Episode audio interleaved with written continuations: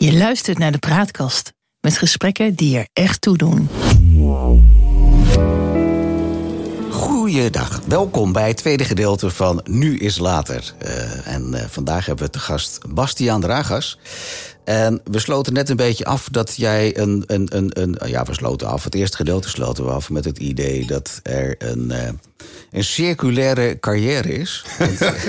Je, had tien ja, je hebt tien functies eigenlijk, want je doet het allemaal nog steeds. Um, we zaten even in jouw, jouw MAVO-tijd. Um, wat ben je gaan doen na de MAVO? Want je, je, vertelde net in het eerste gedeelte dat je eigenlijk een schooloptreden had. En die heb je nog, hè? Ja, dat heb ik nog ergens, ja. ja is, dat, is, dat, is dat ergens digitaal? Of? Nee, dat, dat, dat is, ik heb nu net de garage opgeruimd tijdens de kerstvakantie. Dus ik ben nog op zoek naar waar dat bandje ook alweer is. Ja. Maar ik heb het een paar jaar geleden nog een keer teruggezien, ja. Oh, die moet je heel nodig digitaliseren. Het is gewoon ontzettend ja. leuk om ja, te zien. Ja, dat is heel leuk, ja. ja. Ja. Zou die ook openbaar zetten? Of zeg je van, oh, dat maakt me voor mezelf? Nee, ik hou niet zo per se dingen voor mezelf. Of ik breng ze naar buiten. Um, weet het niet. Kan. Maar als je naar dat jongetje terugkijkt. Ja, dat is heel leuk, vind ik dat. Heel schattig, vind ik dat. Zit dat jongetje hier nog steeds? Ja, absoluut. ja, nee, ja, ja, nee, ja, nee ik, blijf, uh, ik blijf wel voor altijd kind, ja, geloof ik. Nou, niet alleen kind, maar ik, ik, ik krijg ook, zeker na het eerste gedeelte dat we met het interview bezig zijn, ook het gevoel dat je heel goed in contact met jezelf bent. Hoe zweverig dat ook klinkt, maar dat je, dat je heel goed weet wat je voelt, waar je staat en, en ja, hoe, redelijk. Je, hoe je tot andere mensen staat. Ja, dat laatste, dat hoop ik vooral, maar dat eerste weet ik zeker. Als je, als je jezelf zou moeten omschrijven als um, op wat voor wijze je communicatief bent naar andere mensen, hoe zou je dat omschrijven? Um, heel open. Maar uh, zo kom ik niet over. Dus dat is een, dat is een heel. Uit. Nou ja, dat, ik, dat, ik denk dat de luisteraars die, uh, die me misschien uh, ergens hebben gezien, of dat, ze, dat ze dat wel begrijpen als ik dat zeg. Ik denk dat mensen, vooral dat eerste deel, dat ze, dat ze niet per se zo'n heel open iemand zien. Dat ze eerder een beetje wat afwachtende houding zien. Met jezelf ingenomen. Of dat, dat, dat, want dat krijg ik terug van mensen. Dus dat zal dan wel. Dat is niet iets wat ik dagelijks terugkrijg of zo. Maar als we het er nu zo over hebben, dan denk ik dat is. De eerste indruk is meestal dat mensen dat uh, denken. Maar, hoe zou het dan komen dat zij al waarnemen als iemand die ja, heel definitief ja, straalt? Ja, nou, dat, dat weet ik ook niet helemaal. Nee. Maar ik weet wel dat als ik erover praat, zoals hier, ja. dat het dan ook wegneemt. Dat weet ik natuurlijk ook. Ja, maar dat betekent dat je dan eigenlijk aan de, aan de andere kant, dus wie dan ook tegenover je zit, of ik het ben, of wie dan ook, dat maakt even niet uit. Maar dat je eigenlijk daarvan afhankelijk bent in de zin van of diegene dan wat, wat, wat doorvraagt en dat je dan wat opener wordt. Maar in de start, je komt niet als een blij ei binnen, zeg maar. Nee, ik ben ook, nee daar ben ik misschien iets te ironisch voor. Ja. Om, ik ben ook geen naïef, blij springend ei, dat ben ik ook niet. Nee. Nee, daar zit iets te, te veel uh, onderliggende. Het is niet cynisch, maar wel ironisch. Ja, ik kijk altijd toch wel een beetje met een schuin oog naar de wereld. En dat vind ik ook heel leuk, daar word ik heel vrolijk van. Mm. Ja, daar heb ik heel veel lol in. Maar ironie of sarcastisch? Nee, zeker niet sarcastisch. De, de, nee, vind ik nee. De wereld kwijt, zeg maar. Nee, nee, nee, ik ben normaal niet. Nee, ik vind het leven heel mooi en ik vind, uh, ik gun heel veel mensen heel veel. En uh, ik vind juist de, de schoonheid in, in kleinere dingen en in, in, in open dingen en in, dat soort dingen. Dat is, nee, ik ben zeker niet sarcastisch. Uh, maar ik ben ook redelijk moeilijk uh, cynisch te stompen. Nee, het is vooral ironie. Dat het, heel veel dingen zijn natuurlijk echt best wel heel ironisch. En die doen ook af en toe heel erg pijn als je naar de wereld kijkt. Je denkt, hoe kan het eigenlijk? Hè? Dat ze nu, of weet ik, als je naar Davos en dan, als je ziet dat daar iedereen daar is. Nou, hartstikke goed lijkt me dat mensen met elkaar praten. Ik weet ook niet precies hoe dat werkt en zo. Daar vindt iedereen van alles van. Maar dat je dan met z'n allen, dat deed hij. Uh, die acteur, uh, hoe heet hij ook alweer? Nou, die, die benoemde dat een keer heel erg. Toen kwam er ook uh, Leonardo DiCaprio, geloof ik. Die kwam oh ja. dan in zijn privévliegtuig uh, naar Davos toe. Of een of andere meeting van wereldleiders. En die ging daar vertellen dat we met, met elkaar met de wereld... dat het niet goed ging. Ja. He, dus er zit natuurlijk ook wel wat wijze ironie in, in de wereld. Ja. Um, wil, wil je daar iets mee? Nou, ik heb met drie jaar geleden... Ik, ik, ik ben ook wel eens beetje actief geweest uh, voor D66. En ja, drie jaar geleden heb ik me ingeschreven als lid van Volt. Ja. Omdat ik dacht, nou, er zijn grote problemen. En die worden uh, beter opgelost in een groter geheel, namelijk in een Europees geheel. Mm. Nou, klimaat is, of vluchtelingen, of energie, nou, noem het allemaal maar.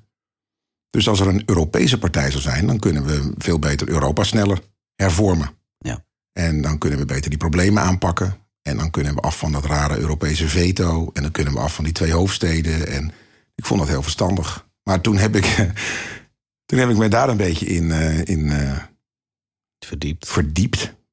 En toen, eh, nou, toen werd ik niet heel vrolijk van, van de, nou ja, de religieuze overtuiging dat zij gelijk hadden en alle andere mensen niet. Mm. Dus daar kwam een soort eh, zwart-wit denken bij kijken over de rechten van vrouwen en mannen en zwart mensen en witte mensen en noem alles maar op. Nou, Bij, bij de partij Volt. Jazeker. Ja, en dat ging over pariteit. Dus dat in elke gemeenteraad voor Volt evenveel mannen als vrouwen moesten zitten. Mm. En als er dan zes goede mannen waren en vier goede vrouwen, dan, was dat dat, niet. dan kon dat niet. Toen zei ik, ja, maar wat nou? Want wat- ze waren ook heel erg bezig met alle rechten van allerlei gemeenschappen, waar ik ook voor ben. Ehm, maar toen zei ik, nou ja, stel je nou voor dat er een transgender is. Of iemand in transitie. Wat, wat doe je dan met die zesde? Is dat dan wel oké of niet oké? Toen werden ze narrig ook. Ja. Toen konden ze ook daar de ironie niet van inzien. En toen, eh, toen duwden ze ook nog eens eh Nilufer en Gundian eh, zo voor de bus zonder een bewijs. Dat was op basis van, van, van verhalen van een, eh, een, oud, eh, ja, een, oud medewerker die al ontslagen was Mm. of ontslagen werd. En toen werd hij ook nog eens even voor de bus gegooid zonder, eh, zonder rechtspraak. Toen had ik het wel gehad met de politiek. Ja, met de politiek in het algemeen Ja, of met de partij Volt? Want ik- nee, ik, ik ja. moet zeggen, dat was ook een van mijn vragen. Want ik zag dat jij inderdaad, we lopen er wel een beetje doorheen nu... maar dat Ja. maakt niet uit, ik trek je straks zo weer terug. Ehm, dat je wel politieke ambities zou hebben, kwam ik online tegen. Ja, nou ja, dus in nou, zoverre. spannend. Ja, in zoverre heb ik daar ook. Ik heb wel heel veel meningen over en ideeën over dingen. Niet alleen een mening, maar ook wel ideeën over dingen. Maar ja, ik werd daar helemaal. Ik vond dat af. Ik vind die hele oversensitieve generatie van nu. Vind ik echt. eh, Dat, eh, dat snap ik wel en dat gaat allemaal wel weer over. Maar de, de verharding aan, aan de linkerkant en de rechterkant. En als iemand zegt, ja, ik, ik wil gewoon dat, laten we het nou fatsoenlijk doen. Dan, dan, dan, nou, dan ben je een deugdmens. Nou, dat is het ergste wat er is. In mijn tijd was fatsoenlijk een beetje lullig, een beetje tuttig. Hè? Een beetje Jan-Peter Balkenende lullig CDA. Daar wilde je eigenlijk niet mee gezien worden, maar da- daar was het iedereen wel mee eens dat dat uiteindelijk wel het beste was. Maar dat is tegenwoordig is dat. eh, Kan dat niet meer. dan ben je een good mens. En dan moet je, dan moet je inderdaad van de eerste de beste brug afgeduwd worden. Dat vind ik heel vreemd. Ja. Volgens mij zijn we dat toch op aarde maar heel kort. En is het heel fijn als mensen zeggen... nou laten we eens eh, op, het, op een eerlijke, fatsoenlijke manier met elkaar doen. Wat heb jij nodig, wat heb ik nodig? Wat zijn de dingen die we hebben? Laten we dat op een redelijke en faire manier doen. Dat- Wat zou, wat zou jouw, jouw rol daar dan niet in kunnen zijn? Als je nou, niet. Nee, zo. Dit af en toe benoemen. Ik ga, de, nee, de politiek, daar ben ik wel van genezen. Ik vond het echt afschuwelijk wat ik daar zag gebeuren. Mm. Ja, ik vond het heel naar. Ja, maar dat is wel dat je daarmee, eh, wat we in het eerste deel hadden over het onderwijs. Mhm. Onderwijs zijn, eh, eh, naar jouw idee, en dat ondersteun ik, een beetje navelstaarders. Nou, wij zitten in het onderwijs. Ik heb eh, eh, nog nooit iets in economie gedaan, maar ik ben wel eh, leraar economie, zo'n voorbeeld. Ehm, dat is in de politiek ook een beetje zo. Je, je hebt mensen die geboren zijn voor Ja. de politiek. Ja, en de politiek is besturen. ook weer een eigen bol waarin van Commissies. alles gebeurt. Daar zou jij juist eigenlijk een rol kunnen spelen. Nee, ik, ben niet, eh, ik ben niet geschikt om in besturen of in commissies of in partijraden. Dat ben ik helemaal niet geschikt voor, omdat ik die outsider ben. Dus ik zou heel goed in een politieke of sociaal-maatschappelijke denktank kunnen, dat soort dingen. En ik doe ook wel dingetjes daarnaast die ik heel interessant vind, waar ik mensen mee kan helpen. Ehm, Zit een open sollicitatie voor nou, denkidee? nee hoor, dat, ik- dat, dat, dat doe ik al. Oh, Ja, vertel. Nee, dat hoef ik niet allemaal te vertellen. Maar dat, eh, dus op die manier kan ik daar mij wel eh, mijn, mijn zegje doen. Dat is heel interessant. Maar ehm, nee, ik hoef niet meer zo. Dat vond ik echt best wel. eh, ik vond het best wel heel shocking eigenlijk. Ja. Ja, maar dat is wel eng, hè? Als je waarschijnlijk in je eigen kennissenkring ook gaat terugkijken. Dat heel veel mensen er zo over denken. Waarover? Nou, dat we wel van alles vinden.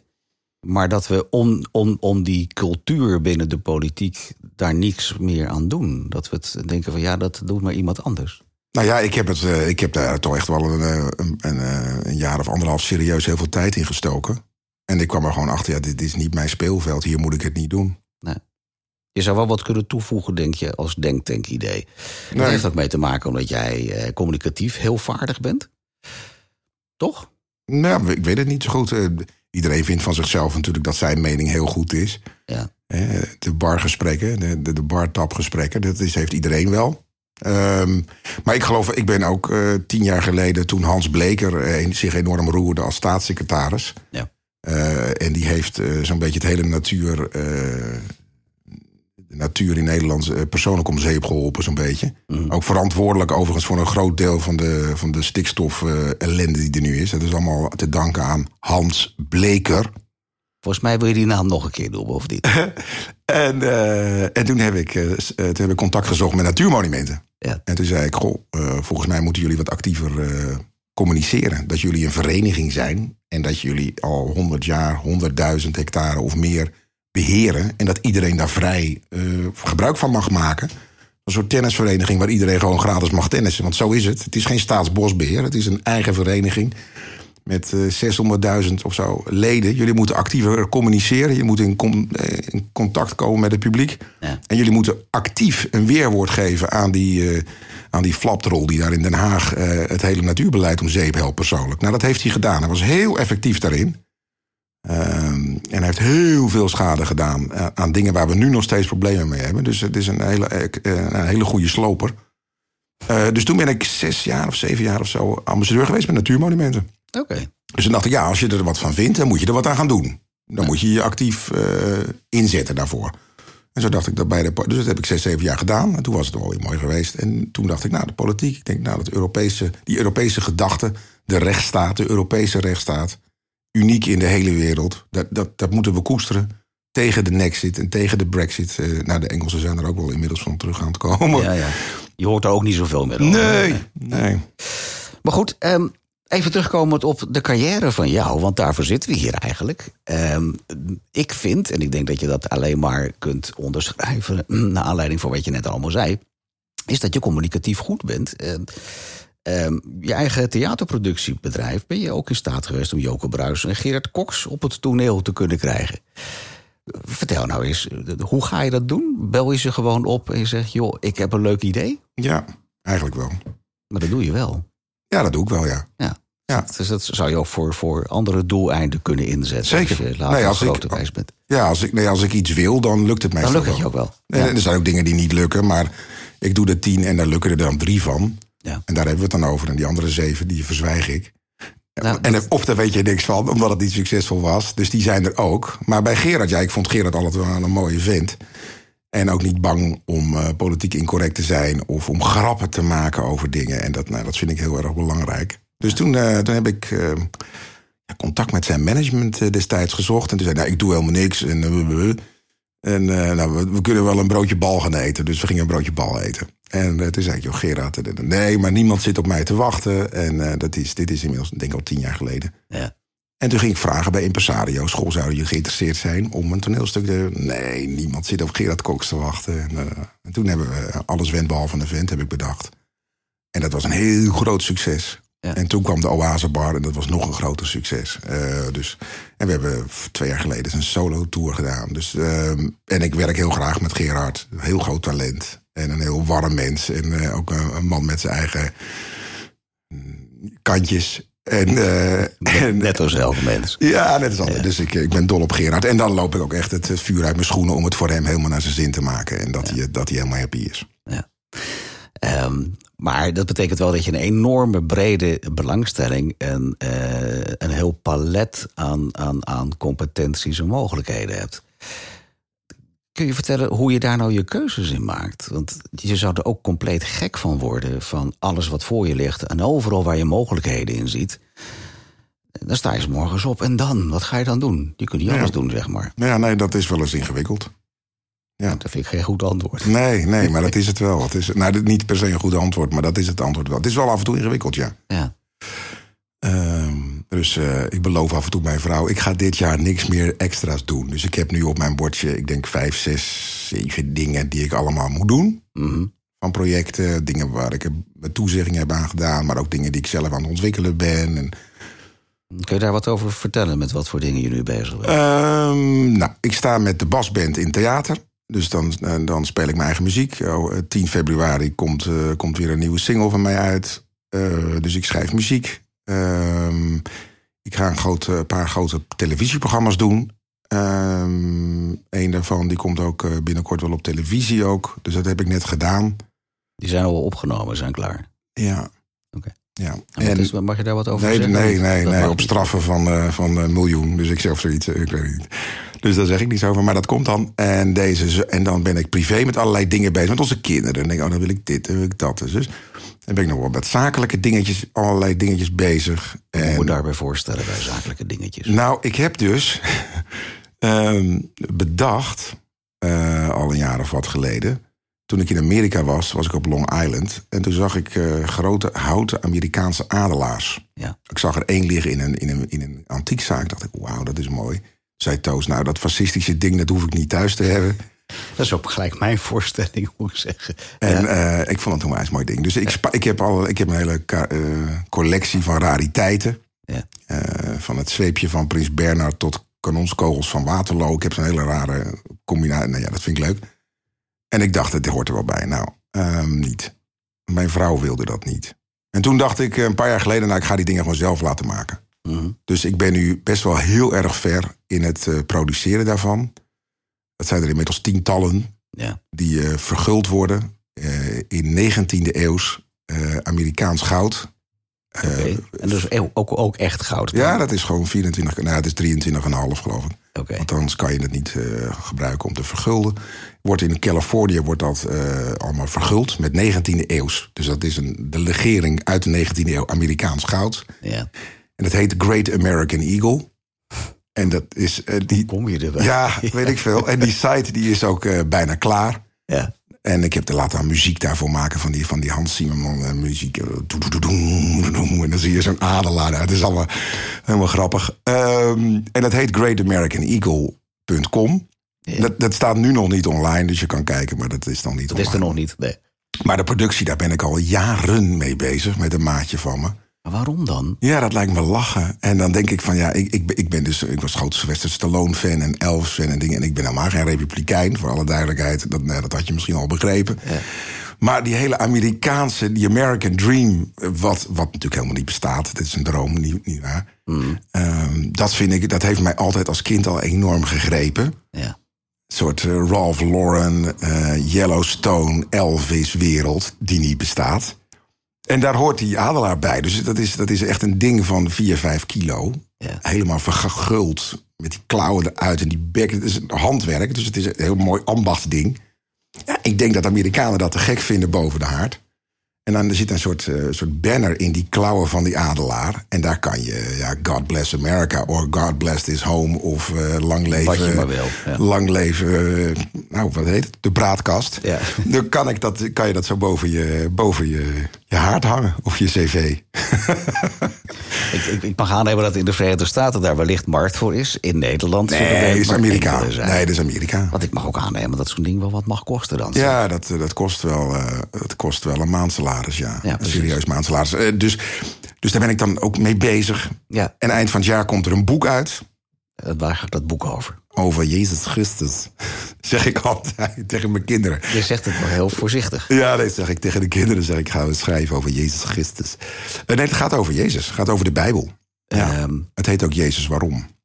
nou, ik wou net vragen, wat is de titel? Maar die weten we dan. Jezus, waarom? Ehm, het, het, het kan, voor, voor zover ik er nu voor sta, kan het twee, twee kanten opgaan. Het kan de kant opgaan dat het ehm, iets is dat je het licht gezien hebt, in positieve zin. Of het kan juist gaan over iets dat je er iets van vindt. Ja. Nou, misschien ook Eh, nog een middenweg. Ja, het is denk ik wel een middenweg, ja. Want eh, het licht gezien... eh, nou ja, niet meer dan ik al mijn hele leven met me meedraag. Een bepaald gevoel van eh, gedragen worden. Wat is dat dan? Ja. Nou, dat, dat kan eigenlijk alles zijn. Dus dat nog even los daarvan. Wat is voor jou de definitie van gedragen worden? Wat, waar, waar Ja, aan? nou, het- ik ben altijd wel gefascineerd geweest door het geloof. En dan ook wel nog wel de verschillende vormen daarvan. Wederom de subculturen. Ik ben katholiek, ik ben misdienaar geweest, eh, gekeken. en dingen. Je bent katholiek, Ja, dat zeggen ze dan. Hè. Dat, dat kan je niet meer echt meer eh, van je aftrekken, trekken, geloof ik. maar je bent het nog. Oké. Nou, ik geloof dat ook nog ingeschreven staan. Maar dat, dat, dat zal me eigenlijk een, een zorg zijn in zoverre. Eh, en ik ben ook bij heel veel andere eh, kerken geweest. Uh, protestants en gereformeerd en Nederlands hervormd. En uh, ja, al die culturen, terwijl het allemaal over hetzelfde verhaal gaat. Hoe kan dat? Nou, dat vind ik altijd wel interessant. Maar ik heb mij altijd wel door een soort, um, ja, gedragen dat ik denk, ja, uh, ik ben niet alleen. Mm -hmm. Je maakt onderdeel uit van een groter geheel. Nou, dat ook niet eens. Oh. Nee, dat ik me. Dat ik me nooit echt helemaal alleen voel. Wat fijn is. Dus dat het oké okay is. Het is oké okay wat ik doe. En je doet je best. En, uh, uh, en dingen gaan fout. En dingen gaan goed. Uh, en, en dat, dat, dat ik... Heb je het dan over een soort bestemmingsgevoel? Dat heeft zo moeten zijn?